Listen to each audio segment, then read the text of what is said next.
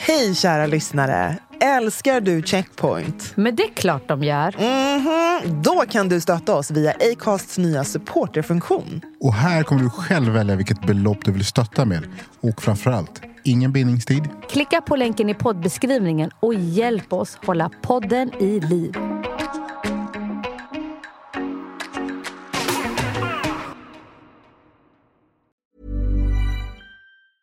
If you're struggling to lose weight, you've probably heard about weight loss medications like Wigovi or Zepbound, and you might be wondering if they're right for you.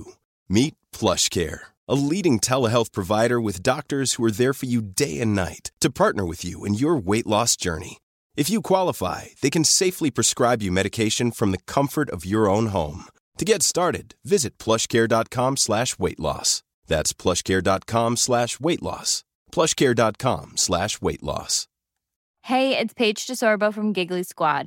High quality fashion without the price tag. Say hello to Quince.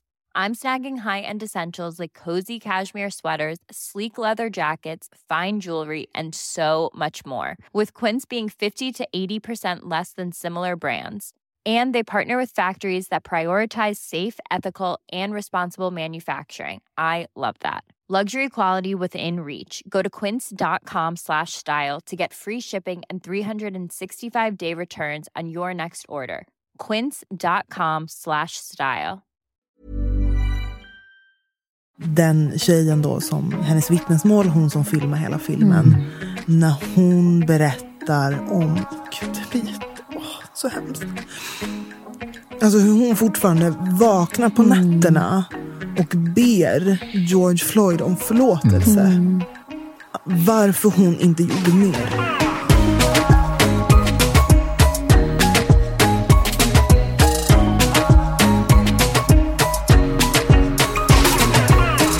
Välkomna till Checkpoint avsnitt 17. Yay! Trion är tillbaka i studion. IRL. Och det känns underbart. Välkommen. Känns fantastiskt. Välkommen. Det där var lite stelt. Som avsnitt ett. Välkommen. Väl- Välkommen. Nej, men det är kul att, vi är här igen tillsammans. Verkligen. Ja, det känns jätteskönt. Skönt att se er. Ja. Precis vad som behövs den här dagen. Det är typ det, en av de bästa grejerna i veckan. Ja, jag håller helt med. Jag håller helt med. Det är alltid så här, man kollar i sin kalender, så bara, åh gud vilken stressdag, och sen ska, och vi ska podda, sen bara, "Mm, vi ska podda. det känns alltid stabilt att komma tillbaka till det här. Och det är mycket som har hänt. Det är mycket som har hänt bara på en vecka och efter förra veckans fantastiska samtal med eh, Kitimba. Jag tror att ni alla, vi alla är fortfarande starstruck. Och nu förstår ni som lyssnade på förra veckans avsnitt varför vi var det. För att, att vara in the presence of genius. Nej, man, blir bara, man blir bara tagen av dels hans kunskap, men också jag tycker att han har en sån närvaro i samtalet och verkligen på ett pedagogiskt sätt verkligen lägger fram, eh, målar upp så här, hur det dels har varit, är och vad man kan göra. Så att du kan inte gå därifrån och säga jag fattade ingenting. Eller jag förstod inte. Eller jag tar inte åt mig det. Man blir faktiskt berörd så fort Kitty pratar. Och jag tycker att han är ja, en sån jävla viktig röst alltså. Definitivt. Jag kände bara att hela min intelligensbank fylldes på. Det var som att den blev 100%. uppladdad av hans eh, vis, wisdom och kunskap.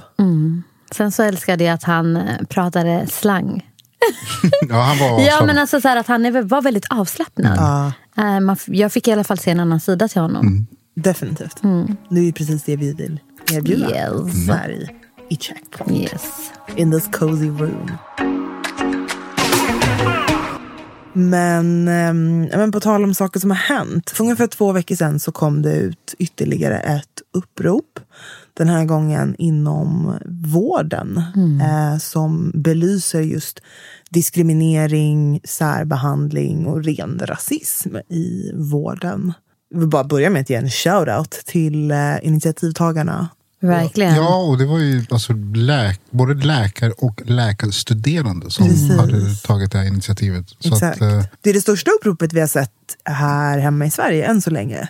Över 1000 personer Mm. Precis. med. Så att det, det känns starkt och hoppfullt. men samtidigt också väldigt så här, ah, ska det behövas alltså? Jag vet. Det, Det var ganska många som, många mm, vita som jag känner som frågade mig om jag hade hört om det här uppropet. Och, Gud vad sjukt. Mm. Och återigen, blev, jag bara fick känslan så här, ja okej. Fast jag var Eh, inte chockad. Nej, men Alltså, eller så här, vi är inte chockade för att vi har vetat om det här hela tiden. Ja. Om vi inte har upplevt det själva som svarta inom vården så vet vi ju minst en person som har upplevt det. 100 procent.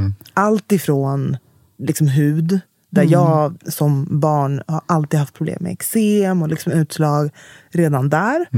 Eh, men även känner flera som har blivit extremt illa behandlade inom mödravården på grund av att de är svarta eller bara inte Just det vita. här med hudfärgen, att det är på, på lärosätena, att man som, alltså studerar man till läkarprogrammet så oftast går man utifrån eh, vit som normen i deras utbildning. Ja. Och man lär sig inte då hur man också kan få en annan kunskap när det kommer till andra typer Ja, av hur hudfärger. symptomen ser ut på andra Och- Och det tyckte hudfärger. jag till och med utöver den här uppropet som kom, kom ut så var det några andra som, någon annan student som hade lyft det här. Ja. Om att, men, vänta nu, ska jag gå en utbildning så tycker jag att man ska fylla på min utbildning så mycket som möjligt för, så som samhället ändå ser ut. Precis. För att det är ändå det jag kommer möta i mitt yrkesliv. Och sen, det kändes som att det var sådana, aha, okej, är, det, är det så? Alltså de, de som fick stå, alltså lärosätena, det, var- det kom ut lite grann som så här, en nyhet. Jaha, Ja. okej, det är så här. Nej, men alltså, det, jag som småbarnsförälder, då, eh, barn får ju utslag eh, ibland. Och eh, en, ibland får man ju rådet så här, besöka 1177s hemsida. För där finns det typ på sajten så kan man klicka på så här, barn och då utslag. Fast exemplen, alla exempel, Bilderna, är ta, ja, bilderna, Ja, bildexemplen är ju tagna på vita barn. Så utslagen varierar ju beroende på vilken hudton man har. Och alltså en sån liten grej kan göra så mycket för föräldrar med icke-vita barn. Att man enkelt bara kan titta, okej, men okej, ja, all right, det här är det här är eksem. Precis. Eller det här är något mm, höst... Nässelutslag eller precis. Whatever. Ja. Men i och med att det inte finns den informationen tillgängligt så försvårar det också för oss att hitta information som passar in i typ våra barn. Och jag är inte alls chockad över att eh, det förekommer diskriminering och rasism och inom okunskap. vården. Jag tänker hon som sökte vård för att hon hade då börjat tappa hår. Mm. Och på mottagningen eller när hon väl besöker läkaren så utifrån den läkarens kunskap så handlade det mer om att hon var svart och inte hade tillräckligt med D-vitamin. Därav var det därför hon började tappa hår. Ja, så att hon inte klarar av, hen, hennes gener klarar Ja. inte av klimatet i Sverige. Mm. Nu kommer jag inte ihåg exakt vilken sjukdom hon hade men hon hade en allvarlig sjukdom. Som, som de inte upptäckte på just Precis. grund av att hon inte riktigt förstod hennes typer av Nej, jag tror det är rakt av att vi pratar om starka fördomar. Ja. Som det här väldigt, alltså väldigt mycket mer fruktansvärda exemplet där eh, alltså, svimningen. vårdpersonalen, ja, Ja. en man som har fått en grov hjärnskakning och sen då en stroke där personalen, ambulanspersonalen skriver ner att det är en kulturell Tur- svimning. svimning. Vad nu det är. Och det senare, han avlider. Det här är fortfarande, Och rätt, hans fru, rättegången ja, har precis hans fru kämpar påbörjats. fortfarande för att få Ja. rätt i fallet. Precis. Jag vet inte om jag har nu rätt, men jag tror till och med att även han var läkare själv. Ja, men det- ja, det, det, ja, jo, det tror jag. Fruktansvärt. Eh, men eh, det är Oavsett vad jävla man är hemskt. läkare, det är hemskt att, det, att man, man får ett sånt bemötande Ja. i ett sånt allvarligt läge. Ja. Eh, och det är som du sa Nicole, vilken fruktansvärt okunskap och eh, fördom man måste besitta när man gör Ja. en sån slutsats. Men också när du är... hur, Du hur fan kan man upp, säga så? Ja, du är ju ett sånt otroligt, alltså både underläge men du är också så otroligt försvarslös när du söker medicinsk vård. Jag har ett annat exempel eh, som hände för två, tre veckor sedan. En person som jag känner, eh, som inte är vit och bor här i Sverige men har dialekt när hen pratar. Får jättesmärtor i magen, ringer 1177 och beskriver sina symptom. Varpå personen på andra sidan säger att eh, nej men det är säkert bara magkatarr eh, och vi kan inte hjälpa dig. Uttryckligen säger vi kan inte hjälpa dig. Hen hör av sig till min mamma som är sjuksköterska för att hen vet att mamma jobbar på SÖS. Och säger verkligen alltså, hjälp. Så man blir jätteorolig. Jag bara, men gud, vad, vad är det som har hänt? Eh, och hen säger alltså, jag har jätte, jätte kramper i magen, jag vet inte vad jag ska göra. Och man bara, okej, okay, har du feber? Ja. Hon bara, okej, okay, åk in till nära akuten. Här, här är adressen, beställ en taxi, åk in nu. Visar sig att, eh, oh, nu blir, förstår vi ju könet. Blir intern, Nej. Missfall. Så här redan i första instansen. Fick de den informationen? Det här är efteråt. Nej, nej, nej jag inte, menar... Ja, alltså, hen beskrev ju sina symptom mm, och allting. Mm. Och liksom, men ordagrant så sa personen i 1177, kan vi hjälpa, kan, kan, inte hjälpa, hjälpa dig. dig. Inte så här, jag eller och vi kan inte hjälpa dig. För att man hör att det finns en dialekt, att den här personen inte är etnisk svensk. Hade inte mamma sagt åk hit, vem vet vad som hade hänt? Det här hände liksom några veckor sedan. Så att, alltså jag har själv svar, gått igenom mina egna ja. grejer med vården. Jag, eh, min son eh, föddes ju för tidigt. Jag mm. hade jättesvår eh, havandeskapsförgiftning. Vilket gjorde att han slutade växa i magen på mig. Mm. Så han kom ut och vägde 1,4 kilo. Men mår jättebra nu. Mm. Men på grund av komplikationerna så gick, genomgick jag kejsarsnitt. Och efter kejsarsnittet så finns det oftast risk till att få infektion i livmodern. Mm. Det fick jag. Eh, så läkningsprocessen tog lite längre tid. Och eh, på grund av att min son var så liten så var vi tvungna att vara på sjukhuset ett tag. Han låg på niondetalen. Och eh, jag och min man började märka att de sköterskorna som tar hand om mig eh, varje gång de pratar med mig om till exempel efterkontroller och att jag kommer ta blodtrycksdämpande medicin ett tag till på grund av havandeskapsförgiftningen så är de väldigt noga med att påpeka att jag inte alls ska bli gravid på en gång. Eh, på grund av det jag har genomgått och att jag har genomgått ett kejsarsnitt så är de väldigt tydliga på att påpeka du får inte bli gravid nu på en gång. Du måste vänta två år. Du får inte bli gravid nu på en gång. Du måste vänta två år. Och jag är så här, först så fattar inte jag varför den här informationen var så himla viktig. Like mm. I ain't about to be pregnant again. Nej. Men jag förstår senare att det har med min somaliska bakgrund att göra. Eh, och den bild de har av somaliska kvinnor och familjer. Att man, att man föder eh, många barn och att man kanske är gravid tätt, tätt in på varandra. Mm. Alltså så här, ja. Men de har bara utgått från det. Mm. Alltså utifrån vem jag är. Eh, namn, beslöjad, mm. svart. Och jag förstod inte varför den informationen var så viktig. Det, det fanns annan information som var mycket viktigare för mig att få. Mm. Till exempel eh, det här med anknytningen med tanke mm. på att eh, jag genomgick kejsarsnitt, min mm. son var tvungen att ligga på neonatalen, jag fick en infektion och låg på en annan avdelning. Mm. Jag hade hellre velat bli förberedd på så här, okej okay, men på grund av att du inte har eh, tillbringat så mycket tid med din son från första stunden så kanske, ni har, eh, så kanske du inte kommer ha en direkt anknytning till honom och jobba på det istället. Men det var så viktigt att informera mig om att jag inte ska bli gravid på en gång. Men jag, jag gjorde inte så mycket åt saken. Jag sa inte heller till dem. Eh, fast forward till eh, efter att jag fick min dotter då, eh, flera år efter. Jag fick också svår havandeskapsförgiftning. Men eh, med tanke på den vården jag fick, eh, mm. eh, apropå situationen med min son, så höll de noga koll på mig under graviditeten mm. med Amani. Så efter att eh, jag blir snittad eh, så ligger vi kvar på sjukhuset en stund och jag får igen en infektion i livmodern, så det var inte så jävla nice. Efter att vi blir hemskickade eh, så har vi så återkontroll. Och jag ringer in den dagen och säger så här, alltså, jag mår inte så bra. Jag hade fortfarande jättehögt blodtryck. Och sa så här, jag känner inte att jag kan komma in. Eh, ska vi åka in så behöver jag stressa, mitt tryck kommer gå upp. Mm. Kan vi inte bara skjuta på det en dag? Och då är de så här stenhårda på telefon. Nej men vi vill att du kommer in. Eh, har ni bil? Ja, kör in. Och då så åker vi in, jag, Amani och min man. Vi kommer in dit och du vet, det är full rulle.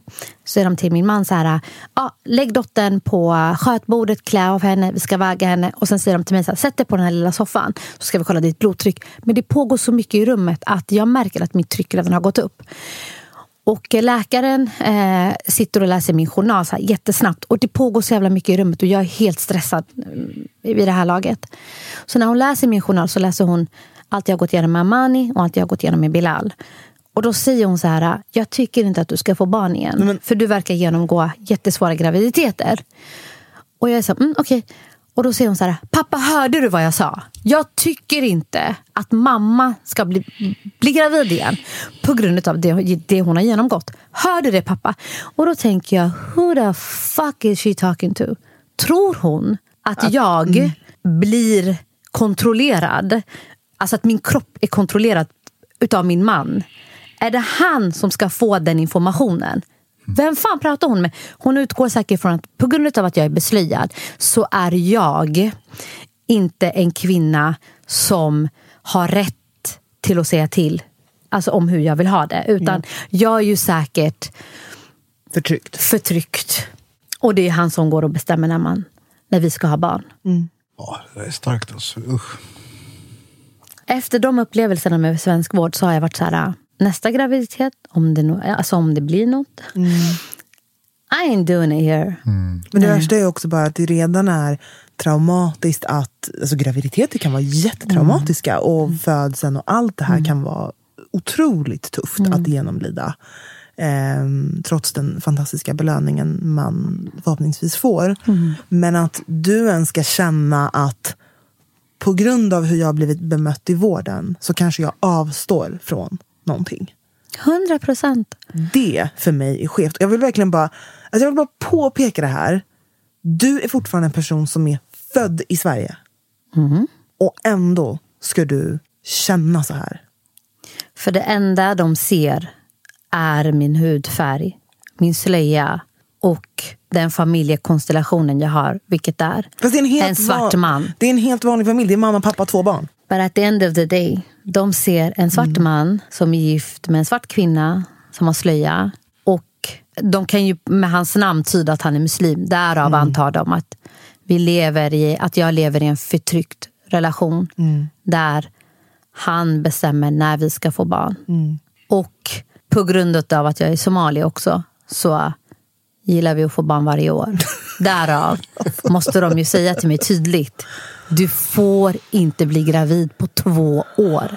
Det roliga är att jag såg något inslag i så här, säkert Aftonbladet eller någon, någon sån liknande tidning där det var en så här, jag har tio barn och mår toppen. Det är jättejobbigt att få blicka på stan. Hur tror ni hon såg ut? Yeah, she was white. Yes. Hillbilly white. Då Man gör man en alltså- artikel om henne. Ja, men det är Då skriver man en artikel om henne, ja. Det är sjukt Fast spännande. inte, inte när det är icke-vita kvinnor som Nej, har för vi- tio barn. exakt. För då är det så här, men gud, måste de föda så många barn? Har de ens Har de ens kontroll på de här barnen? Och jag tänker, alltså det du säger Ambra, det, dels är det starkt att du delar med dig, det måste jag bara säga att det är otroligt starkt. Men jag tycker också att de som lyssnar, alltså att du säger någonting som redan finns fakta och rapport om. Det här Exakt. är någonting som till och med Socialstyrelsen skriver i sina rapporter om Mm. att strukturell rasism drabbar kvinnor, framförallt i, från södra Sahara. Mm. Och det här är så, så fruktansvärt att höra att, du, att det, det fortfarande pågår, om jag säger så. Inte för att hijacka din historia, Ambra, men jag kommer ihåg när jag jobbade på Sankt Görans sjukhus. På eh, en mottagning som heter Beroendeakuten där. Och det är en ganska tuff miljö. Alltså, när man kommer in där så är det så här att det är flera olika säkerhetsdörrar. Du måste gå igenom olika slussar för att komma in till en så här visiteringsrum och så vidare. Så. Men jag kommer ihåg att det var väldigt ofta. Det var så att när man skulle ta emot eh, patienterna där och de är oftast lite påverkade. Vissa är inte påverkade, de håller på att avtända eller vad det kan vara. Men det var också vid flera tillfällen där man fick höra att nej, jag vill inte att du ska visitera mig för att du är n-ordet. Fan alltså. Och jag ska stå där som en, eller jag stod ju där som en professionell människa- och försökte förklara att, men okej, vet du vad?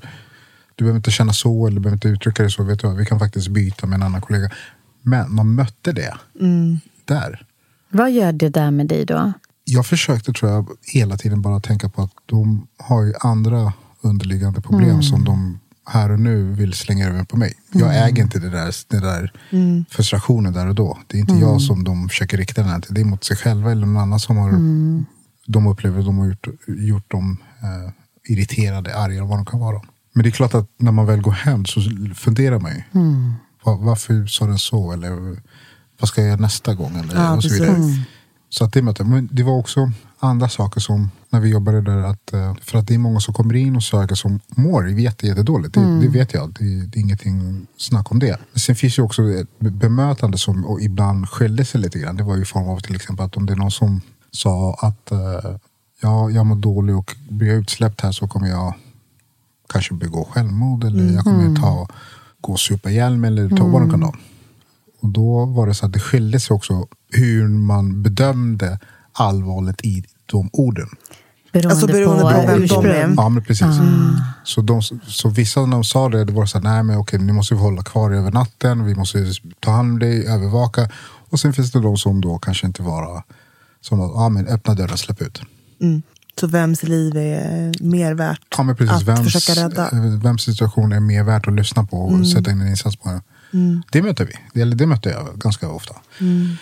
Det, är, det är tråkigt att det behöver också lyfta det att inom vården, något som vi ändå tar för självklart att det ska vara oavsett var man kommer ifrån, oavsett religion, oavsett bakgrund. Du ska bli behandlad på samma sätt. Du ska känna den tryggheten. Nej, men tyvärr så är vi inte där alltså.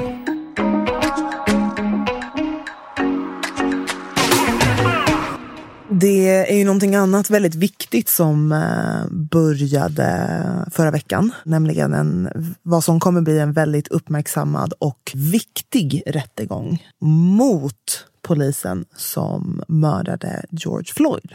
Så den rättegången har precis börjat. How do we feel? Ja, jag är väldigt, väldigt tagen av den här rättegången som jag tittar på till och från hela tiden. Ja, det är så svårt att begripa hur att en, en, en människas liv ska behöva lämna oss bara för att visa hur jävla sjukt, sjukt värld vi lever i. Ja. Jag tänker att eh, om man går tillbaka lite grann och just berättar om alltså vad själva rättegången handlar om. Så har jag, jag, se, jag ser de här scenerna och även tittar på nyhetsrapportering till och från hela tiden. Och, och det börjar med att, att det har fångats upp och filmats. Där en, en människa ligger på golvet och verkligen ber om att inte dö. Jag vill inte dö. Jag vill inte dö. Snälla, jag vill inte dö. Jag kan inte andas.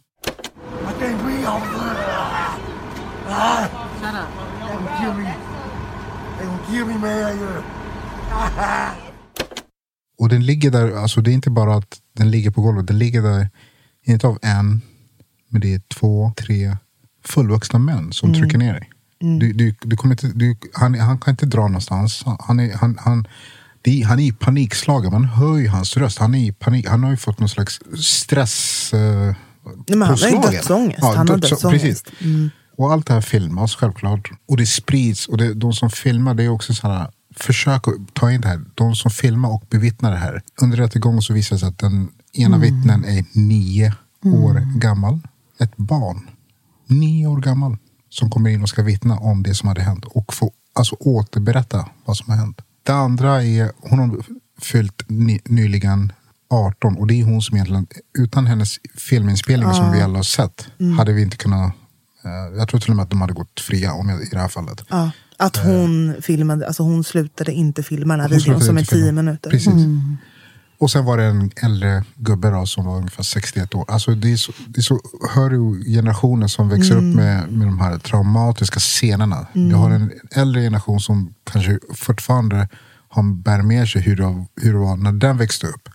Och sen har du en yngre generation som upplever så här ser det ut. Så här blir vi behandlade. Ja, för, för mig så det blir så starkt och jobbigt att reflektera över det. Så att, eh, ja, så där, jag följer rättegången till och från men det finns vissa saker som jag känner bara... Man får nästan portionera ut, eller jag måste portionera ut när jag tar in de här sakerna. För att det jag mådde så fruktansvärt dåligt när det här hände. Och det tog lång tid innan jag kunde sätta ord på varför. Och som vi tillsammans också har pratat om. Men eh, det jag tyckte var så himla starkt i den tjejen då som hennes vittnesmål, hon som filmar hela filmen. När hon berättar om, åh gud det blir jätte, åh, så hemskt. Alltså hur hon fortfarande vaknar på nätterna och ber George Floyd om förlåtelse. Varför hon inte gjorde mer. It's been nights. I stayed up apologizing and and apologizing to George Floyd for not doing more and not physically interacting and not saving his life. Och hon vet ju att det är, liksom, det är klart att du rationellt vet att det är inte ditt fel. Men att stå där och se och filma när en persons liv rinner ur dem. Att höra dödsångesten. Och liksom hon säger också He knew what was happening. Fan. Han visste liksom vad det var som på, höll på att hända. Och för många svarta män, framförallt i USA, men över hela världen, så är det här redan en, en skräck. Att du kanske kommer bli en i statistiken som förlorar ditt liv av polisbrutalitet, eller på grund av polisbrutalitet. Men hennes vittnesmål är så starkt i hennes eh, survival guilt. Jag har också tittat på rättegången från och till. Och eh, jag tror inte att...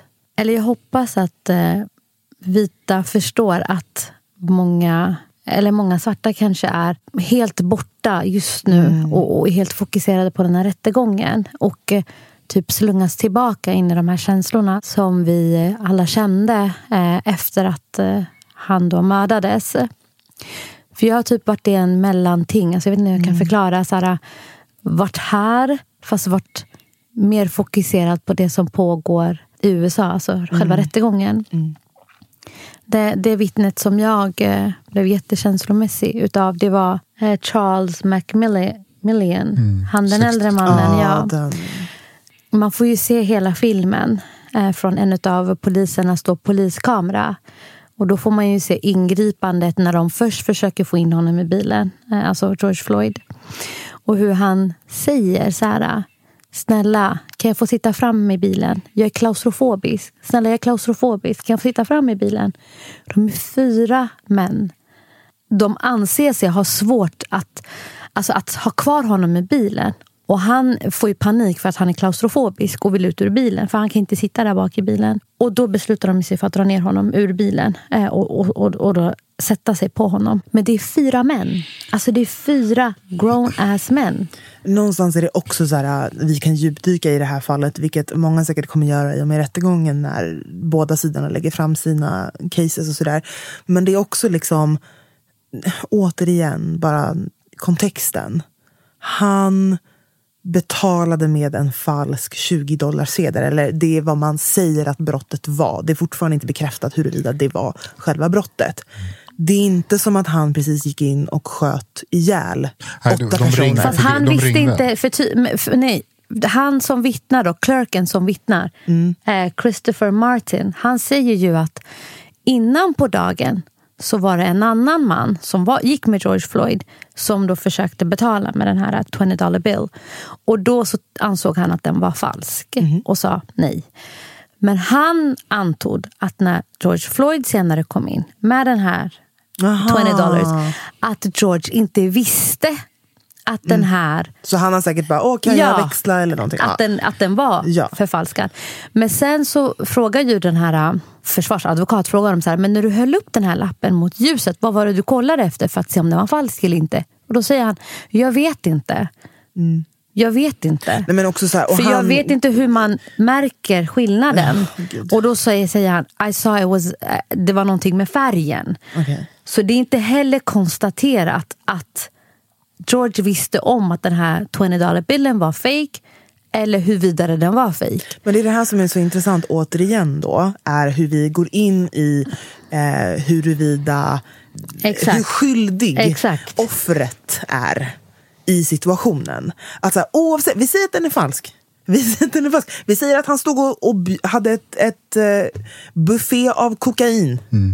Är, det, är det justified att göra det här mot honom? För att återigen, när en person sköt ihjäl människor för några veckor sedan i Atlanta så fick han inte den här behandlingen. Och det är det som är liksom hela poängen. 100%. Någonting som jag tycker var så jävla starkt är vad the judge i det här fallet har sagt. För att eh, försvararsidan försöker ju ta in väldigt, väldigt mycket bevis.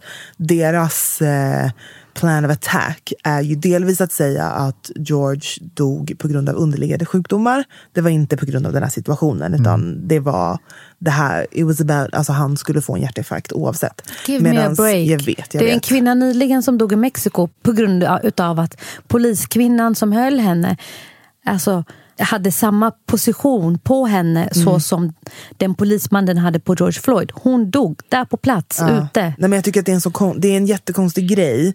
Jag vill bara flika in med att eh, det här är inte första gången ett sånt här fall händer i USA. Senaste gången det var en sån här uppmärksammad rättegång eh, var ju rättegången bland annat med Rodney King på 90-talet. Eh, där det återigen blev en eh, skulden ligger på offret och hur, hur läskig eller farlig offret är. Och därför behövde de här stackars vita personerna skydda sig. Eh, därav blev han nästan misshandlad till döds, eller i det här fallet eh, så dog personen. Men det domaren sa som var så himla bra när försvararsidan försökte ta in, de ville ta in bevis och exempel på hur George Floyd har varit tidigare när han har blivit alltså, arrested. Arresterad. Eller, ja. Eh, och då sa domaren att nej, nej, jag, jag kommer inte tillåta det. Och då frågade de varför. Därför att han bara, det här är inte George Floyds rättegång. Det är inte han som står åtalad. Tack. De borde... det tyckte jag var så jävla bra. Tack. Det är starkt. Det är starkt. Och det finns så mycket som man kan plocka och försöka analysera och titta på som man känner så här, wow, hur fan ska vi, hur, hur kommer man nå till det där? En annan stark sak som jag också fångade med att hur man försökte, jag förstår att det är hans advokat, alltså polismannens advokat, där han ska försöka fria sin klient och så vidare. Men han, deras taktik kan ju också, gick ut på att köra den här stereotypiska beskrivning av hur en svart Verkligen. man beter sig. Det vill säga att det, det finns de som var runt omkring som var vittne och då skulle han då förhöra dem. Och då sa han så här, men visst, stämningen var väldigt aggressiv, visst var den det? Ja, säger då killen som håller på att vittna. Det kanske var. Ja, och du varit väldigt aggressiv, var det inte så? Nej men oj, okej. Ja, Nu är ja, jag ja, jag kanske var aggressiv, men jag var nog aggressiv på grund av att jag såg och bevittnade ett mord. Exakt. Jag, vet inte Jag du- gillade, jag, nej men gud, jag, gill, jag älskade så här- hans svar. Ja, så att det, det var också så här att hur man också använder all slags medel för att misskreditera ett, ett mord på någon annan människa. Det, det, det tycker jag är fruktansvärt. Men det är så här rättegångar är, tyvärr. Alltså. Ja, Och sen en annan sak som jag också tänkte på. När, att idag så hoppas jag att människor som har sett det här, att man inte ska se att man ska inte, ja men det hände där borta. Men det har hänt i Sverige här också. jag kommer inte Yes. ihåg ett exakt vilket mord det var, men det var en, inom trappuppgång där polisen använde lite för mycket våld mot en person som dog av just det här att man använde för mycket våld. Och, och sen var diskussionerna där och här, just om det som du var inne på Nicola. Ja men eh, hur var det förut innan man tog, arresterade dem? Eller eh, bakgrunden kring eh, missbruket och psykisk ohälsa. Och det kan kännas, okej, okej, okej, om det, vi ska ta, låt oss titta på då, med bakgrunden med, kring missbruk och psykisk ohälsa. I Sverige så har vi barn, det finns barn som växer upp idag i alkohol och missbruk, alltså missbrukande familjer. Och Det är ungefär 20 procent av alla barn som växer upp här. Det betyder att om vi nu ser att de barnen som har en pappa eller mamma som har ett miss, missbrukare, att de på något sätt skulle vara mindre värda bara för att de har ett missbruk. Det betyder att då ska vi alltså tycka att det är helt okej att om de skulle komma i konflikt med polis eller vad de kan vara, då ska de skylla sig själva. De var missbrukare. Det, är, alltså det är fruktansvärt att ha den tankegången att bara för att du hamnat i ett visst typ av psykisk ohälsa och har ett pågående eller tidigare missbruk, att du ska inte ha samma respekt och att, att ditt liv spelar roll bara för att du, du råkar ha andras issues underliggande. Ja. Det är ju fel. Det är fel. Nej, men det här, och också så här, det jag inte förstår i, den, i det resonemanget är det här är inte Black Mirror där polisen har kollat igenom hela personens eh, bakgrund och profil innan de anländer till den här eh, situationen. Så att hur kan man lägga in att för att den här personen kommer ha en missbruksbakgrund liksom, eller så så agerade vi så här i den situationen. För du visste inte det. Nej. Fast en grej vi inte får glömma det är ju att polisen kände George Floyd sen innan. Det Så- är det värsta. Det, De hade jobbat ihop. de hade jobbat ihop och tydligen haft Va? en... Ja. Jo, de hade jobbat som vakter ihop. Nej. jo, under flera år. Och där, där det sägs att de har haft ett så här underliggande gräl eh, sen tidigare. Ja, jo. Så, då, så det är inte som att den här polismannen bara kom dit och, och inte kände igen honom. Nej. så när han, fan, det, är det, som gör, det är det som blir, för mig, alltså att se allt det här blir jobbigt men sen att veta att du känner honom. Och det var det, Och du hör honom gråta ut till sin döda mamma. det kan förklara för att det var någon som lyfte så här, okej, hur lugn polismannen var, var väldigt, väldigt anmärkningsbart. För att det tydde på, det antydde, alltså man tycker att det tyder på att han har gjort det här tidigare. Jo, men det har För han att om du, gjort. vi- om du gör Det en sån där mot en gjort. annan människa, men alltså, någonstans har du någon, du är inte empatilös. Alltså, så, alltså, för att om du hör någon annan människa skrika efter ens, att den vill inte dö. Någonstans ska- ska din empati kicka in och säga, vet du vad, okej, jag ska ta, gå upp här och försöka se till att den får rätt vård. Och sånt där. Men om du ligger där och bara chill och fortsätter i nio minuter, Nej, men du vet, du har ju... då har du gjort det här tidigare. Vi kan läsa in hur mycket som helst i videon och jag tror det är väldigt många som inte har orkat se den. Eh, Jag tycker absolut inte att man ska tvinga sig att göra det heller. Men eh, som bakgrund också, för jag lyssnade lite på hur ehm, då the prosecution förbereder sitt case. Och det är ju bland annat då att han har blivit disciplinerad för sånt här tidigare. I ett fall där någon eh, blev väldigt, väldigt illa skadad eh, när han gjorde exakt samma sak. Och i ett annat fall där han intressant nog gjorde samma sak och när personen sa jag kan inte andas så vände han honom i framstupa sidoläge. Och när personen sen fick vård så sa läkarna att det räddade hans liv. Så the prosecution tänker använda det här för att säga han visste precis vad han gjorde. Mm. Han visste vad han gjorde. För att han har ju vänt på någon en annan gång och fick veta att det räddade hans liv. Så han visste precis vad han höll på med. Jag tror ju att det här mordet, alltså, det som, alltså anledningen till att det här mordet blir som en katalysator tror jag också att man kan dra paralleller eh, till eh, Emmett Tills mord. För det blev ju också som en katalysator till medborgarrättsrörelsen. Och det är exakt samma man ser med alltså, George Floyd. där. Det var ju den unga killen som blev eh, misshandlad. Ja, jag kan det här fallet utan och innan. Ja, det här. Ja, så Emmett Till var en 14-årig kille som gick in i en butik eh, för att handla. Det här var precis när många av eh, segregationslagarna togs bort. Så att svarta fick gå in i vita butiker. Så han tog sig friheten att gå in i en butik för han skulle köpa tuggummi eller något trevligt. Eh, varpå ägaren inte tyckte om det och inte heller hans fru. Som då skriker ut att eh, han tafsade på mig. Eller först var det han busvisslade och sen tafsade han på mig. Så ägaren och några av hans polare drar ut honom, misshandlar honom, knyter en noose around his neck. Tände eld på honom. Jag tror det också knöt fast den i liksom sin pickup truck. Kör flera mil där han liksom släpas efter bilen och så kastar de honom i sjön. 14 år. Det blir efter att liksom, the civil rights, och det, blir, det brister ut alltså något enormt. Och hans mamma, hon är ju så stark som låter. Ja. Som låter alltså hon, låter ju, hon har ju en open casket. Ja. Så att alla får gå förbi och, Och se, se hur hans ansikte vad de ser har ut. gjort med honom. Och hon låter också tidningarna publicera hans Ja. Det. bild. Jag ser den framför Eh, mig. och det blir all hell breaks loose. Alltså. Ja. Så det blir ju en rättegång eftersom att all he- hell breaks loose. Eh, de frikänns av en all white jury. Eh, på grund av att nej, men han busvisslade ju så det var ju hans fel. Innan hon dör, den här frun. Innan hon dör, var 40 år efter att det här hänt.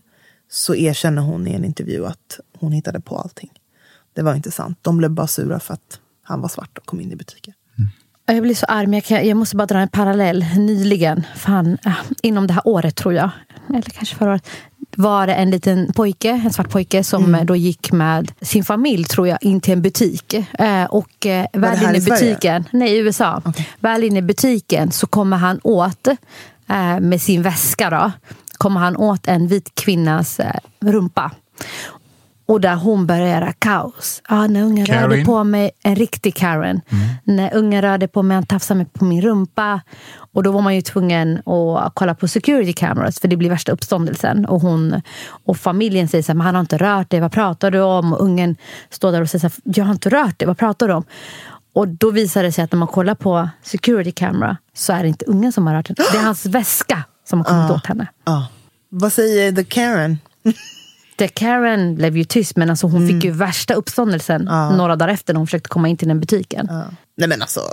Kan vi Nej, men bara om man drar paralleller Karens? till det som hände Emmett Till. Men det, precis, alltså så här, it's living and breathing to this day. Fortfarande. Exakt. Det räcker med att en Karen säger åh det här har hänt mig.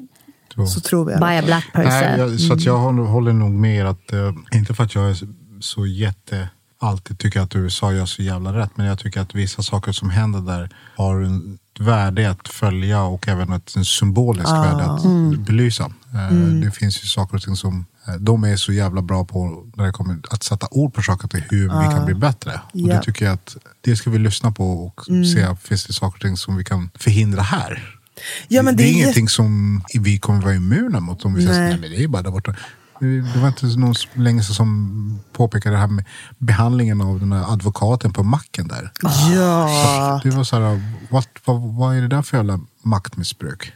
Vad är det du är ute efter liksom? Men, tänk om inte någon hade varit där och filmat när han var helt själv där. Men man ser ju liksom när polisen lyfter batongen och tänker Ja. slå honom. Han tänker spöa skiten ur honom. inte- Och då ropar kompisen, han, Han är är advokat. advokat. Då stannar den. Och då, bara, då tar han ner den. Nästa vecka fortsätter vi ranta. Nej. 100 procent. Nej men, jag ser fram emot eh, nästa vecka. Jag gör vi också ser det. alla fram emot nästa vecka där vi kommer ha en, En eh, hemlig gäst! musikalisk hemlig gäst. Jag har sagt hej till den här personen så att jag är. Så vi kommer ha mer eh, fa- fangirling and fanboying eh, nästa vecka. 100 procent. Men eh, tack för att ni lyssnar. Vi ses nästa vecka. Tack snälla. Trevlig påsk. Checkpoint! Med mig, Brandon och... Your girl Anbara. Och Nicole. Syns. Hej då.